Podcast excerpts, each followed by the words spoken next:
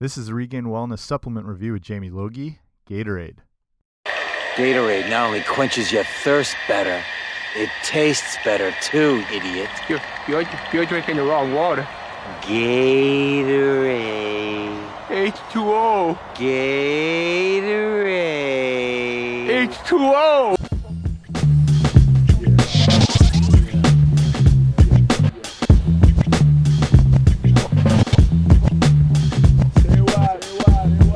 Guys, what's happening? Welcome back to the Regained Wellness Supplement Review with Jamie Logie. That's me. I'm here basically to, over the years, I've spent a lot of time working in gyms that have nutrition stores in them. I've managed nutrition centers. I've been exposed to hundreds, if not thousands, of different supplements and products. So, I'm trying to take that insight and pass it on to you here to give you reviews on things that are good, things that maybe are crap, things um, if you have questions about them, if you think it's worthwhile.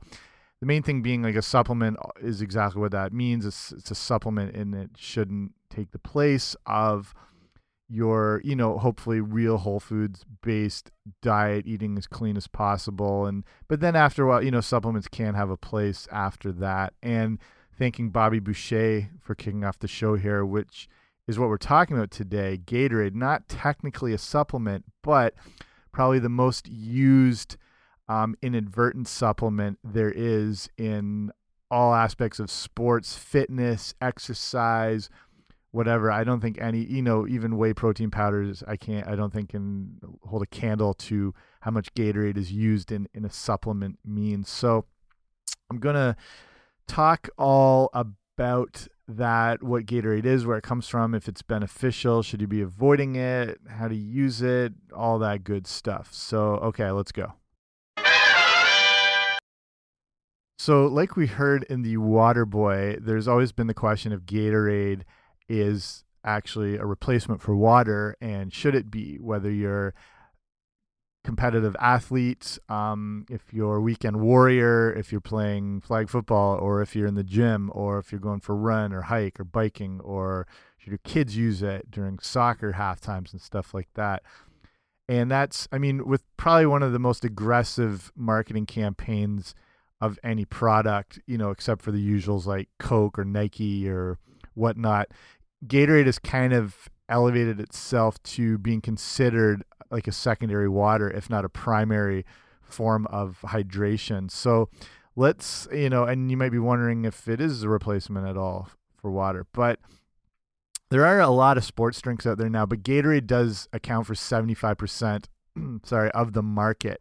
So most of my information will be based around that there's you know there's a real explosion of energy based drinks as well too which are a whole other issue that I won't touch on but we're talking about like just straight um, water replacement type beverages. We'll look at Gatorade specifically. So they can have a role which I'll get to in a little bit but just going back over where it all came from it was you probably heard this story before but Gatorade was invented by a Canadian named Robert Cade, who was looking to create a replenishing beverage for the football players at the University of Florida who are called the Gators. So, just in case you didn't know that connection, Gator Aid, it was a beverage to aid the Gators. There you go. Now you have that piece of trivia for the rest of your life. This goes back quite a ways, though. It goes back to 1965 and was of benefits to athletes primarily in the Florida environment which is crazy hot if you've been down there, as well as humid. So that it was there was a need for some sort of rep replenishing fluid for these football players who are in this active, hot, crazy humid conditions for up to three hours at a time. And a lot of these athletes were losing a lot of weight during practices from water weight. When you start losing, you know, percentages over, you know, two to three percent of your body weight, then you're looking at losing electrolytes, um, you know, sodium, potassium, which can have some very damaging effects on your health. So some of these athletes were losing up to 18 pounds over the course of a game. Um, granted, if you're a lineman that weighs 320 pounds, that's still a significant percentage.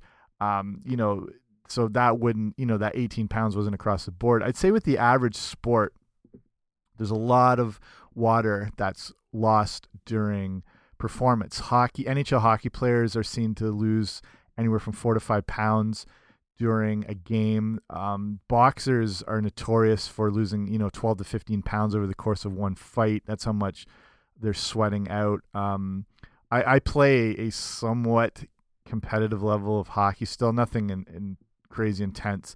And for me, it's it's easily two to three pounds during a game. I've just made note of, um, and these are far less intense than any pro level. So this is what's happening to the Florida Gators football team. They're losing all this um, water weight. So severe. When I was talking about the electrolytes, you know, primarily sodium and potassium, severe dehydration when you're getting into this range leads um, to things like low blood pressure, shock, collapse, seizures, comas, even death. Every year, honestly, it seems like when you hear about the NFL training camps, not all the time, but you, you hear of these guys that were are dropping dead from exercising in this extreme heat losing all this water weight not you know replenishing it. This is what when you you know or people run marathons or any hot weather activity when people are dying it's because of the loss of electrolytes and that's what happens you know.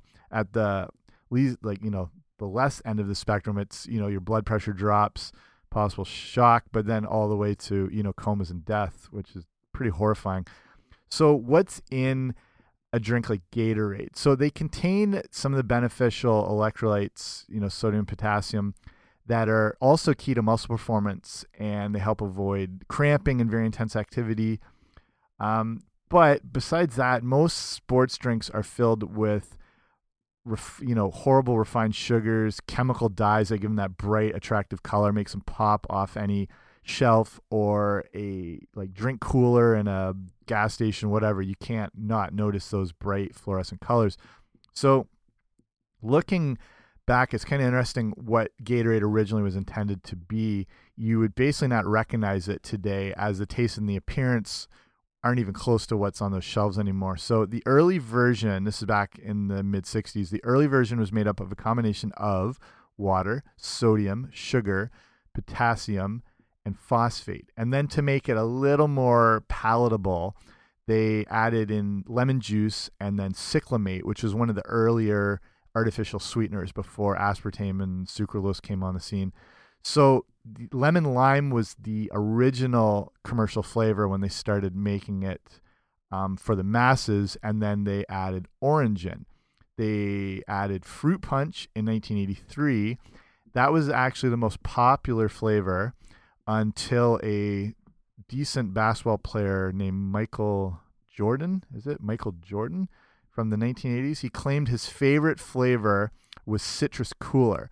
And that created an explosion, not just in that flavor, but in the whole Gatorade market. So today, you basically, yeah, you've got a virtual rainbow of colors and flavors out there from the, you know, the G2 series. There's the lower sugar versions, there's the originals there's new flavors introduced depending on where you are, the market you live in, all sorts of stuff. So let's have a look at what's in a average blue Gatorade. So you've got water, you've got sugar, you've got dextrose, you've got citric acid, natural and artificial flavors, salt, sodium citrate, monopotassium phosphate, modified food starch, glycerol ester of rosin, blue number one, and red number 40.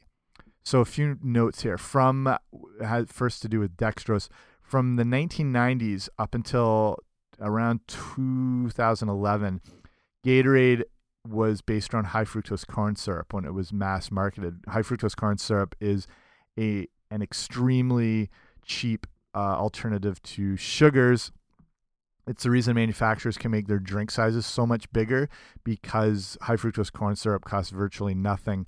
Um, so it's cheaper. The other thing, it also leads to a longer shelf life, which is probably one of the main reasons these manufacturers started using it. Um, the other note here is about uh, the where is it here? Um, some flavors used brominated vegetable oil again as it's more of a stabilizer as a preservative to kind of extend that shelf life. So that around 2013, I don't know if you remember this or you would have seen a small note in you know in the paper or whatnot. There's a lot of protests to get this stuff out of it. It's basically like a flame retardant. What this brominated vegetable oil, what how it can be used, and the effects on the body obviously pretty horrific. So, in the U.S. in 2013, BVO brominated vegetable oil was was removed from Gatorade. I don't think it was ever included, say here in Canada, but that and then that can vary around the world as well. More like like countries in Europe, especially like the UK and whatnot, they're very conscious of these additives and these type of things, and they've never been allowed ingredients, so they're probably never there in the first place.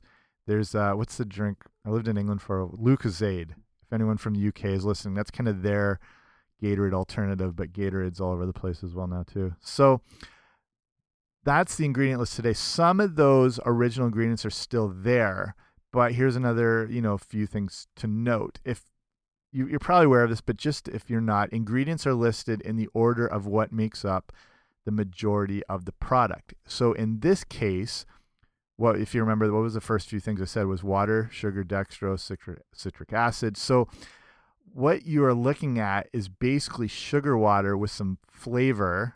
I'm using air quotes here and dyes thrown in. So, problem with artificial flavors is you can just list artificial flavor just like that two words artificial and flavor. But that artificial flavor can contain dozens and dozens of ingredients that do not have to all be listed but fall under the title of artificial flavor. Um, or it could say you know artif- a good example I like to use is say burger king. I don't know why i always go to this one. Burger king strawberry milkshake uses artificial strawberry flavor that's all that's listed that one ingredient contains 53 different ingredients. They don't have to list those all. They can just put it as artificial strawberry flavor. Um, and then the problem with those dyes, so blue number one, red number 40, obviously there to give the drink a more attractive and appealing look. These some of these food dyes um, have been seen to cause um, things like ADHD in kids, um, few different issues, especially the I think it's the yellow number I think it's the yellow number five, which they've just removed from Kraft macaroni and cheese because it's just linked to a lot of these issues, especially with kids. So, who is a Gatorade for? I would say, in the case of the average person, a Gatorade is probably not going to be necessary, and most of your workouts are not going to be severely depleting you of electrolytes. Um, not dissing your workouts, but it takes quite a bit to severely um, wipe yourself of these things unless you're doing, you know, like the three hour outdoor hill runs and training and stuff like that. And then the problem is, is if your exercise is not that intense, you know, if you see someone at a gym and they're doing a 20 minute workout uh, on a treadmill at a very slow pace, and then they've got a Gatorade there with them, you're you actually counteracting your work with the large amount of calories and sugar in a Gatorade. And again, that tends to come from those, you know, glucose, fructose, dextrose, um, rapidly absorb insulin spiking drinks. So the average workout on a treadmill might burn, you know, not a lot of calories if you're looking at that. Calories is kind of an imperfect science, but just to look at number wise, you know, say you, you burn 120 calories over the course of 20 minutes. If you're going at a very slow pace, it's really not that much of a workout. Then you have this Gatorade which can have upwards of you know 140 180 upwards you know depending on the size um, 200 calories so you've just kind of reversed what you've done there um, kind of defeating the whole purpose so for myself i've I'll, I'll, try to use it sparingly. I won't lie i've used gatorade a lot over the years but as i've learned more about it i, I know there's a, potentially a time and a place and it's never the number one choice. So um, in, in, average workout situations, water, hands down, is still going to be your best um, friend in if your goal, especially is to be active, um, strong, performance based. When there's a when you do get dehydrated with a lack of water, it affects things like performance and it, it affects um, cognitive function. So that's why a lot of athletes when they make they're making these stupid decisions later in a game like if you watch in the playoffs and these players are doing sometimes things they never normally do it's a lot of times that's linked to the dehydration issue which affects your thinking and your perceptions and stuff like that. So, I said myself, I play in this, you know, relatively competitive hockey league still, and I do a lot of high intensity workouts. And um, in the summer, I like to do, you know, a lot of sprints outside, a lot of biking. Um, and yeah, I love that hot weather training. In these situations, if there's not a better choice, I'll use a Gatorade again because if I'm just drowning in my own sweat, I know that's a loss of those electrolytes again. Um, I'm probably not going to the point where I'm going to, you know, drop into shock, but I want to, you know, not cramp up and still go hard. So in those situations, I will mix it though. I'll go half and half with water just to limit that sugar amount. But more often than not, I always stick with water. Um, to me, a better choice if you're looking, uh, if your exercises are intense, you're playing sports, whatnot. If you want to go with the natural Gatorade, that's coconut water. And coconut water is incredible, incredible stuff and a perfect substitute for a Gatorade and also can provide quite a lot of health benefits too. So I'd say for yourself, I would ditch Gatorade altogether unless you know you're going to be, I don't know, depending on what your lifestyle's like. Say you're doing this crazy hard four hour hike in Nevada in the summer and it's to be sweating. Yeah, it, mm, it's probably an okay choice in that situation just to kind of keep um, those fluids in you. Again, water's still going to be at the forefront, but when you are sweating uh, uncontrollably, you can be pretty sure you're losing a lot of sodium, potassium. And again, the problem with Gatorade is it doesn't actually have that much potassium in it. Sodium's not hard to include as an ingredient, uh, but Gatorade seems to not really have the super um, decent levels of potassium. So be wary of that. So I, in those situations, I would go for the coconut water, and you can find a lot, find a lot of good flavored ones now too, where they'll be flavored like pineapple or a mango. Um, yeah, that would probably be your best bet in combination with water. Do not forget water. Um, make if it's intense exercise, make sure it's a couple cups before. Sip it during. You don't want to be chugging water during an exercise. Same thing can lead to um, cramping. It's like flooding your body. Same way like watering a plant. You don't just dump a ton of water on it. You kind of you know slowly sprinkle it in with a watering can or whatnot. Um, and then again, drinking at least a cup or you know large glass or two after the workout um, if it's been noticeably intense and sweaty. So that's what I would say for Gatorade. Not needed. There, I don't see any reason for kids to be drinking Gatorade. It's basically a carbonation free, caffeine free Coke. That's what you're drinking with a Gatorade. So for a kid, yeah, I really wouldn't worry. I, again, if they were playing, you know, say super intense soccer, football in the summer months, um, and you know they're sweating a ton. You can see it. They're looking dehydrated. I would maybe do that. You know, half water, half Gatorade at that point. But again, try to avoid it for a kid. Better go, you know, to go coconut water, something like that. So that's it. I'll wrap it up on Gatorade right there. If you use it or if you have any more questions, feel free to write me at info at regainedwellness.com. Or if there's other supplements you want to see reviewed, I've got tons I'll be covering, but if there's something specific you've either tried or you're going to try and you want to know, I'm pretty sure I've, I've tried it already, or I can and give you a